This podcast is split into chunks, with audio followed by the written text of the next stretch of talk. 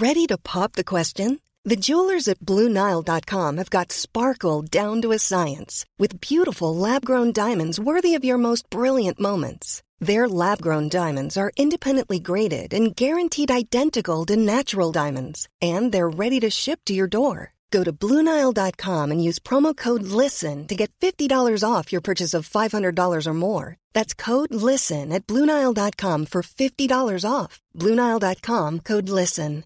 Introducing Wondersuite from Bluehost.com.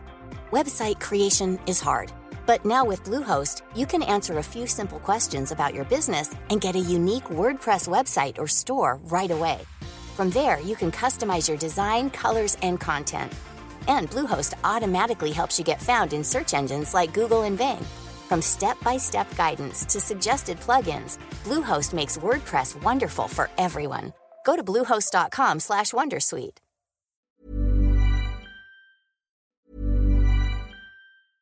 Ryan Reynolds here from Mint Mobile. With the price of just about everything going up during inflation, we thought we'd bring our prices down. So to help us, we brought in a reverse auctioneer, which is apparently a thing. Mint Mobile unlimited premium wireless. Ready to get 30, 30, bit to get 30, bit to get 20, 20, 20, bit to get 20, 20, bit to get 15, 15, 15, 15 just 15 bucks a month. So, Give it a try at mintmobile.com slash switch. $45 upfront for three months plus taxes and fees. Promo for new customers for limited time. Unlimited more than 40 gigabytes per month. Slows. Full terms at mintmobile.com. Introducing Wondersuite from Bluehost.com. Website creation is hard, but now with Bluehost, you can answer a few simple questions about your business and get a unique WordPress website or store right away. From there, you can customize your design, colors, and content. And Bluehost automatically helps you get found in search engines like Google and Bing. From step-by-step guidance to suggested plugins, Bluehost makes WordPress wonderful for everyone. Go to bluehost.com/wondersuite.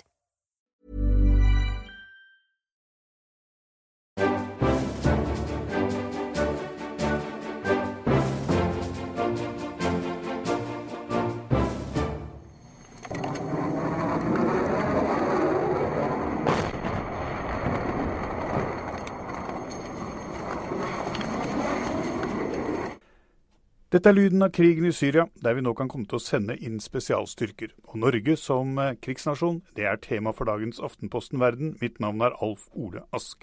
Siden 1990 har vi deltatt i ni kriger. Nå trapper vi opp i Syria. Hva gjør dette med fredsnasjonen? Norges image. Må vi krige fordi allierte og verden forventer av oss? Bør vi ikke disse dager bruke mer av Forsvaret for å sikre egne grenser? Disse spørsmålene og flere til stiller vi i dagens podkast. Med meg jeg redaktør Per Anders Madsen, forsvarsmedarbeider Sveinung Benserød og utenrikskorrespondentene Silje Rønning Kampesæter og Kristoffer Rønneberg. La oss starte med Silje, som til daglig holder til i Amman i Jordan, landet der spesialstyrkene skal plasseres og trene syriske opposisjonsstyrker. Legges det merke til i Midtøsten at Norge trapper opp i denne krigen? Nei, altså Assad har jo, Syrias president, har jo gått ut og, og sagt at han er imot uh, dette bidraget. Fordi han vet jo veldig godt at mange av opprørerne um, de begynte som opprørere fordi de er imot Assad, og så kom IS, og nå kjemper de mot IS. Men det er klart at det, det er veldig mange opprørere som tidligere har vært et del av USAs treningsprogram, som har vært misfornøyde med at USA har sagt at de ikke får lov til å angripe Assad. Og det er klart at det har ikke gått bort, så, så Assad vet dette veldig godt, og han er misfornøyd. Men når du snakker med mannen i gata i Amman eller ja, andre steder, så, så er ikke dette noe de tenker veldig mye på. Men de er opptatt av den vestlige koalisjonen? De er opptatt av koalisjonen. Uh, og, og, de er opptatt av å bekjempe Assad og IS. Men hvordan på, kan dette påvirke uh, en annen del av Norges image, som fredsmegler i Midtøsten? Det er jo Altså, man må skille litt mellom freds, Norges image som fredsmekler og fredelig. Og, og Norge har hatt tradisjon for å være begge det ene før det andre. Norge og Skandinavia har blitt sett på som å være en fredelig nasjon. Og, så etter hvert på 90-tallet fikk de en rolle som fredsmekler. Og den beholder vi eh, antageligvis selv om Norge nå kanskje de siste 15 årene har gått over til å delta mer aktivt i kriger som en del av vårt ansvar i, i andre i internasjonale relasjoner. Men, eh, men det er ikke sikkert at det nødvendigvis påvirker vår vårt image som, eh, som, en mekler. For det er et rykte som allerede på en måte er blitt etablert. og da sier vi takk til deg, og så skal vi diskutere litt om hvordan dette ser ut her hjemmefra. Hvorfor eh, bruker vi ikke begrepet krig om eh, det vi nå eh, er med på? Det henger helt sikkert sammenheng med et veldig sterkt selvbilde både blant politikere og også blant vanlige folk i Norge om at vi er en fredsnasjon. Det er en lang historisk linje som er virksom helt til i dag. Jeg kan nevne et eksempel på det. Så når det gjelder gjennomslaget i, i, blant folk. altså For noen år siden da vi markerte 100 års, uh, marker, altså markerte 100 år siden unionsoppløsningen, så ble det laget en meningsmåling hvor folk ble invitert til å, til å mene noe om en, en, formulering som var noe sånt som at uh, Norge er en rik nasjon som deler sine ressurser gjennom humanitær aktivitet og fredsarbeid. Og 92% av befolkningen uh, sluttet seg til helt eller delvis en sånn beskrivelse av Norge. Så dette er noe som sitter veldig dypt i oss, og det har tradisjoner helt tilbake fra uh, rett før unionsoppløsningen i uh, 1905. Det har knyttet til, til, at vi deler ut fredsprisen. Vi har lett for å glemme hvor, hvor tett forbindelsen var mellom Nobelinstituttet, fredsprisutdelingen og norsk utenrikstjeneste Eh, gjennom hele mellomkrigstiden. Så dette har vi dratt med oss. Utenriksministeren satt jo der helt nettopp, fra Jørg, Nettopp. Jørgen Løvland, eh, første utenriksministeren, var jo også eh, Nobelkomiteens første, første leder. Så dette var veldig, veldig tett. Så har nok innholdet i det å være en fredsnasjon skiftet litt sånn historisk sett. Jeg tror i mellomkrigstiden så var det fortsatt veldig nært knyttet til det at Norge var et nøytralt land. Det skiftet jo etter annen verdenskrig og, tilknytning til, til, til Nato. Og uh, Da fikk vel dette med engasjement gjennom FN og fredsbevarende operasjoner uh, en stor, en, en stor betydning. Og etter den kalde krigen, med, da ble det åpnet et enda større rom for et, for et fredsengasjement i veldig ulike konflikter rundt omkring i verden. Så dette, dette har vi dratt med oss i, i, lang, lang tid, selv om innholdet har, også har skiftet litt over tid. Men Sveinung, du dekker eh, Forsvaret for Aftenposten og er den som omgås mest eh, folk med vinkler og, og, og stjerner av oss. Eh, I Forsvaret er det vel også en viss irritasjon over at man, eh, i hvert fall blant de som er der ute, at man ikke erkjenner at dette er en krig, er det ikke det? Det har vært en tradisjon for å late som om Norges soldater står som skilderhusvakter når vi sender dem ut til internasjonale operasjoner. Det har vært i fortvilelse for både soldater og offiserer som har vært ute. Libanon-veteranene kan fortelle at det var langt fra slik det var. Og når vi kommer til Afghanistan og Kosovo og andre steder, så har det vært, nesten vært slik at når folk har kommet hjem i kiste eller er skadet eller har sagt seg på andre måter, først da så erkjenner norske politikere at jo, vi er i krig, men i, i hvert fall i en stridssituasjon. Og så har de likevel kviet seg for å bruke ordet krig. Det sitter langt inne. Men Kristoffer, eh, du som er i USA og, og eh, farter rundt. Når eh, veteraner kommer hjem fra Afghanistan, eller når de kom hjem fra Irak, landet på flyplasser og Da jeg selv reiste rundt eh, i USA, så ble vi alle sammen oppfordret til å stå og klappe og ta det imot og gi de applaus. Eh, og det er ingen der som er i tvil om at de i de samme operasjonene som nordmenn har vært, at de har vært i krig? De bruker jo uttrykket konflikt i mye større grad enn de bruker uttrykket krig. Eh, og nytalen er jo til stede i USA i like stor grad som den er i Norge når det gjelder dette med å delta i konflikter. Det handler jo litt om hvordan konflikten har endret natur også i etterkrigstiden. Og tidligere så var det snakk om konflikter mellom nasjoner, og det var ikke noe tvil om man erklærte krig mot hverandre, og så sendte man konflikter ut i strid. Nå er det mer snakk om å sende soldater til andre land for å delta i det man kan kalle fredsbevarende operasjoner eh, eller andre ting, for å redusere det, det inntrykket av at det faktisk er krig man sender dem til. Og, og, Dette handler jo om behovet for å selge det inn til befolkningen og gjøre det lettere for befolkningen å svelge det at man faktisk skal ut i en konflikt eller en krig, eller, eller hva man skal kalle det. Og, det. og, det. gjør man i USA. Det er kanskje de som har oppfunnet mange av de begrepene som vi, som vi da også bruker i Norge. Men apropos det å komme hjem, der altså Norge skiller, seg, skiller Norge seg ganske godt ut. Altså I Norge så har folk kommet hjem, og de blir stilt opp på eh, parkeringsplasser og på Sessvollmoen og andre bortgjemte steder. Ja, I Danmark så har de kommet hjem, og de har fått en egen parade i sin uh, lille hjemby. Uh, så har dette endret seg i Norge etter hvert som man har erkjent at man er i en mer en krigssituasjon. Nå er det Akershus festning, nå er det store forsamlinger, foreldre, presse blir invitert. Så dette endrer seg veldig, ser vi. Men eh, hvorfor, hvorfor eh, har vi da gått til og vært innblandet i ni kriger siden 1990, eller ni væpnede konflikter utenfor vårt nærområde siden 1990. Er det fordi at eh, amerikanerne forlanger det oss? De fleste vil si svare et klart ja på det.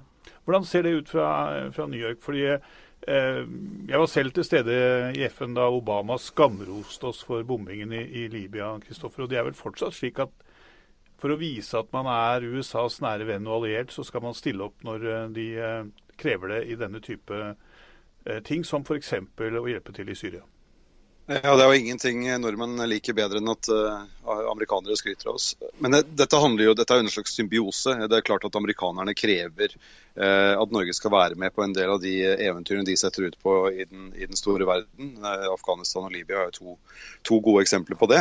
Men dette er jo også fordi, kanskje spesielt under Obama, så har Norge vært, i likhet med deler av Europa, bekymret for at USA trekkes i for stor grad mot Stillehavet og, og Asia. Obama er ikke like interessert i Europa som hva kanskje USA har vært før. Så man har kanskje hatt et ekstra stort behov for å vise amerikanerne at jo da, vi, vi er med dere, og vi trenger at dere skal fortsette å, å være med oss. For det, amerikanerne er jo tross alt den eneste skikkgarantisten vi har for, for fortsatt fred i, i, i Norge gjennom, gjennom Nato. Per Anders? Jeg tror det er et veldig godt poeng Kristoffer eh, nevner der. Jeg, jeg tror nøkkelbegrepet er at Norge må framstå som en pålitelig partner pålitelig partner. Og så kan nok innholdet i hva som ligger i å være pålitelig partner, uh, skifte litt over tid.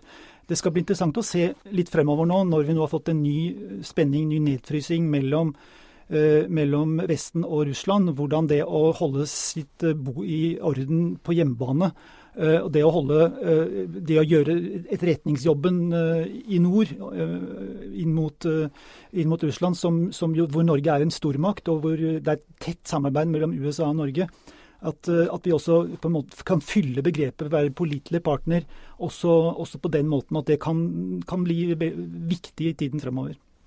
Jeg tror nok også det er mange som ser på dette som militære, rent militære fordeler at Norge får vært med. Og det er et faktum at norske soldater og offiserer nå har opplevd hva det faktisk er å være i krig.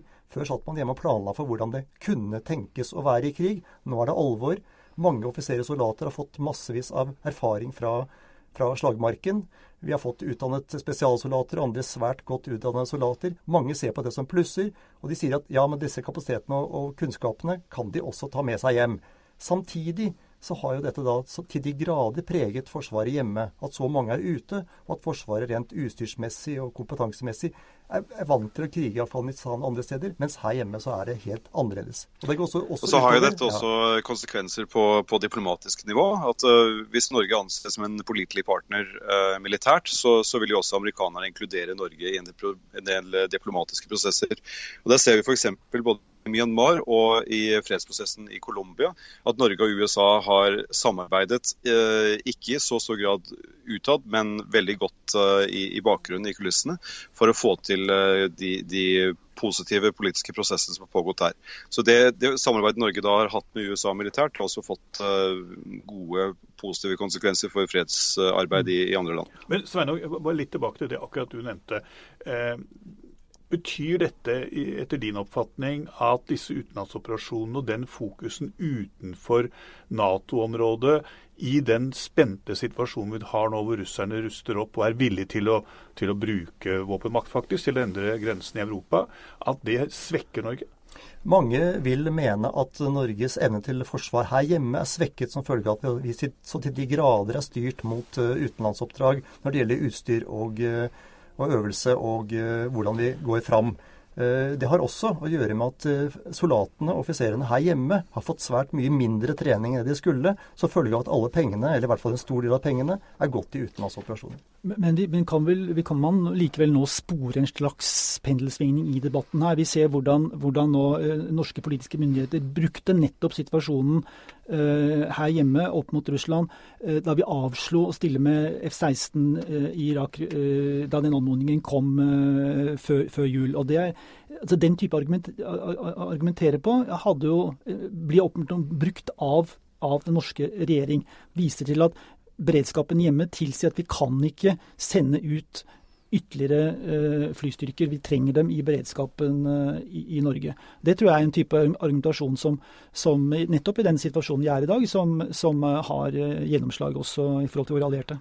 Akkurat mens vi sitter her uh, og snakker sammen, mine herrer, så benker de nordiske statsministrene seg til statsmiddag i Det hvite hus. Første gang på uh, nesten 50 år uh, at det har vært i hvert fall en nordmann, eller en norsk statsleder her. Forrige gang var det statssjefen, nemlig kong Olav, som fikk den, den æren.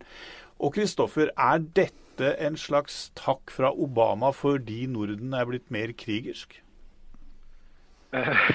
Det, det, det, tviler jeg på. Altså, jeg er helt sikker på at de nordiske landene de fremstår som gode modeller for, for hvordan eh, deler av det amerikanske samfunnet kan bygges opp. Iallfall har Obama sagt eh, såpass i et, eh, et nylig intervju i, i The Atlantic. Men det er vel det at man ser på Nord-Europa som en ja, så dette uttrykket stabil partner, som jeg har brukt tidligere i dag. Folk man kan stole på. Og så I og med at det er såpass lenge siden sist, så var det kanskje bare rett og slett på tide å gjøre det. Men eh, Sveinung, føler man i norsk forsvar at man må stille opp mer i utlandet nå som vi har Jens Stoltenberg som generalsekretær i Nato? Det er jeg veldig usikker på, men at man må stille opp mer som følge av at Nato eh, sier, og med USA i spissen sier helt klart fra her må hver nasjon bidra med mer. Her må hver nasjon heve sin beredskap. Kunne vise at de er, eh, både kan eh, stå imot med noe selv, og ta imot ikke minst allierte styrker om de skulle komme til unnsetning. Men, eh, og Kristoffer, eh, du vandrer jo også rundt i, i, i eh, FN. og For å gå litt tilbake til utgangspunktet her. Mange av de operasjonene som Norge har deltatt i, de har jo et mandat fra FNs eh, sikkerhetsråd. Og det har på en måte vært en litt sånn sikkerhetsventil for å, for å sende styrker ut. Ikke minst var jo dette hele begrunnelsen for, for Libya-aksjonen i sin tid. Eh, hvordan ser man på, på Norges image der? I eh, FN så er Norge nå en, en nasjon som i hovedsak eh, driver med, med, sosiale saker. altså I de store konfliktene, i og med at Norge ikke er med i Sikkerhetsrådet og ikke har vært det på, på en del år. Og det er heller ikke eh, noe som tyder på at Norge skal bli det på, på en stund. Det er Sverige som er nest ute av av de nordiske landene. Så akkurat den sikkerhetsmessige biten og konfliktbiten, det er ikke der Norge bruker mest ressurser i, i FN. og Det er kanskje ikke derfor, det er kanskje en grunn til at det ikke er så mye snakk om det i, i korridoren akkurat nå. Mye av vår utenrikspolitikk her i, i, Europa defineres jo nå av de vedtakene som gjøres i EU, og som påvirker da Nato. Og vi ser nå en, en eh, Vi har hatt nå to år med et veldig kjølig forhold til Russland og en, og en opprustning. Nå kom det melding i dag at den første norske statsråden Eh, skal reise til eh, Russland, første på to år, nemlig fiskeriministeren. Ser vi nå at denne konflikten med, i Ukraina, Krim, på en måte feies vekk, slik at vi nå får en normalisering uten at vi egentlig ser en, at russerne trekker seg tilbake? Jeg, jeg, jeg syns det er et veldig interessant signal, det du nevner her. For jeg tror altså jeg tror man må erkjenne at det med sanksjoner har Eh, begrenset virkning over tid. Og eh, selv om man ikke får den type respons fra Moskva som man hadde ønsket, så, så tror jeg eh, det langsomt gror fram en erkjennelse også på vestlig side at man ikke er tjent med et langvarig sanksjonsregime av den typen som vi nå har hatt. Så Det er litt tidlig å, å slå det fast, selvfølgelig, men, men det, dette første statsrådsbesøket kan være det første signalet som tyder på at dette om ikke feides vekk, så på en måte langsomt, men sikkert blir svekket og kanskje på lengre sikt også avviklet. Det var også et eksempel ganske nylig på at, en, på at norske kontrollører da fikk kontrollere en, en russisk større hæravdeling oppe i nordområdene. Eh, det ble oppfattet av den ledende offiseren som ledet dette, at eh, det var et pluss. Samtidig så melder jo soldater og offiserer som møter russere ved, ved grensen i, i, ved Finnmark og i, i lufta at det er et bistert uh, møte. Det er ikke den 'hei, vi ser hverandre, hallo' som det var før, da norske fly var oppe og sjekket ut uh, russiske fly langs uh, territorialgrensene. Og Det betyr kanskje at vi trenger flere, mer av vår, vår, vårt forsvar her hjemme enn en, i, i Syria og i Afghanistan osv.? Det er det svært mange som mener, ja. Men eh, for å runde det hele av, Kristoffer. Eh, vi kommer tilbake til der vi eh, si, har begynt og sluttet i en lang rekke podkaster. Hvilke konsekvenser vil det amerikanske presidentvalget få for eh, dette, og ikke minst for relasjonene mellom Norge, Norden og eh, USA? Jeg tror uh, årets presidentvalg i USA er uh, veldig veldig viktig for hvordan USA forholder seg til resten av verden. Hvis det blir Donald Trump som blir president, uh, selv om det ikke er like sannsynlig akkurat nå som at Hillary Clinton blir president, men hvis han skulle bli det, så har jo han sagt at han ser for seg å kunne legge ned Nato fordi resten av verden ikke bidrar til på samme måte som hva USA gjør for fred og sikkerhet rundt omkring i, i verden. Hvis Hillary Clinton blir president, så er jo hun en god og gammel alliert av Norge. Eh, norske utenriksministre har i lang tid lagt inn, lagt inn tunge aksjer um, for å få Hillary Clinton til å være opptatt av Norge. Hun har vært i Norge flere ganger. Norge har bidratt med mange mange millioner til The Clinton Foundation. Så eh, for Norges del så tror jeg det er Jeg tror jeg vil si 100 av, av folk i UD som, som, håper at det blir Hillary Clinton og ikke, ikke Donald Trump som blir president. Da lar vi dette være siste ord i denne sendingen. Dette er uten tvil et tema vi eh, kommer tilbake til. Du kan eh, følge vår utenriksjournalistikk på alle plattformer. Kom gjerne med tips og reaksjoner. Verdenredaksjonen er på Twitter og Facebook. Du finner oss fortsatt på papir i en postkasse nær deg. Mitt navn er Alf Ole Ask. Aftenposten Verden er tilbake om en uke.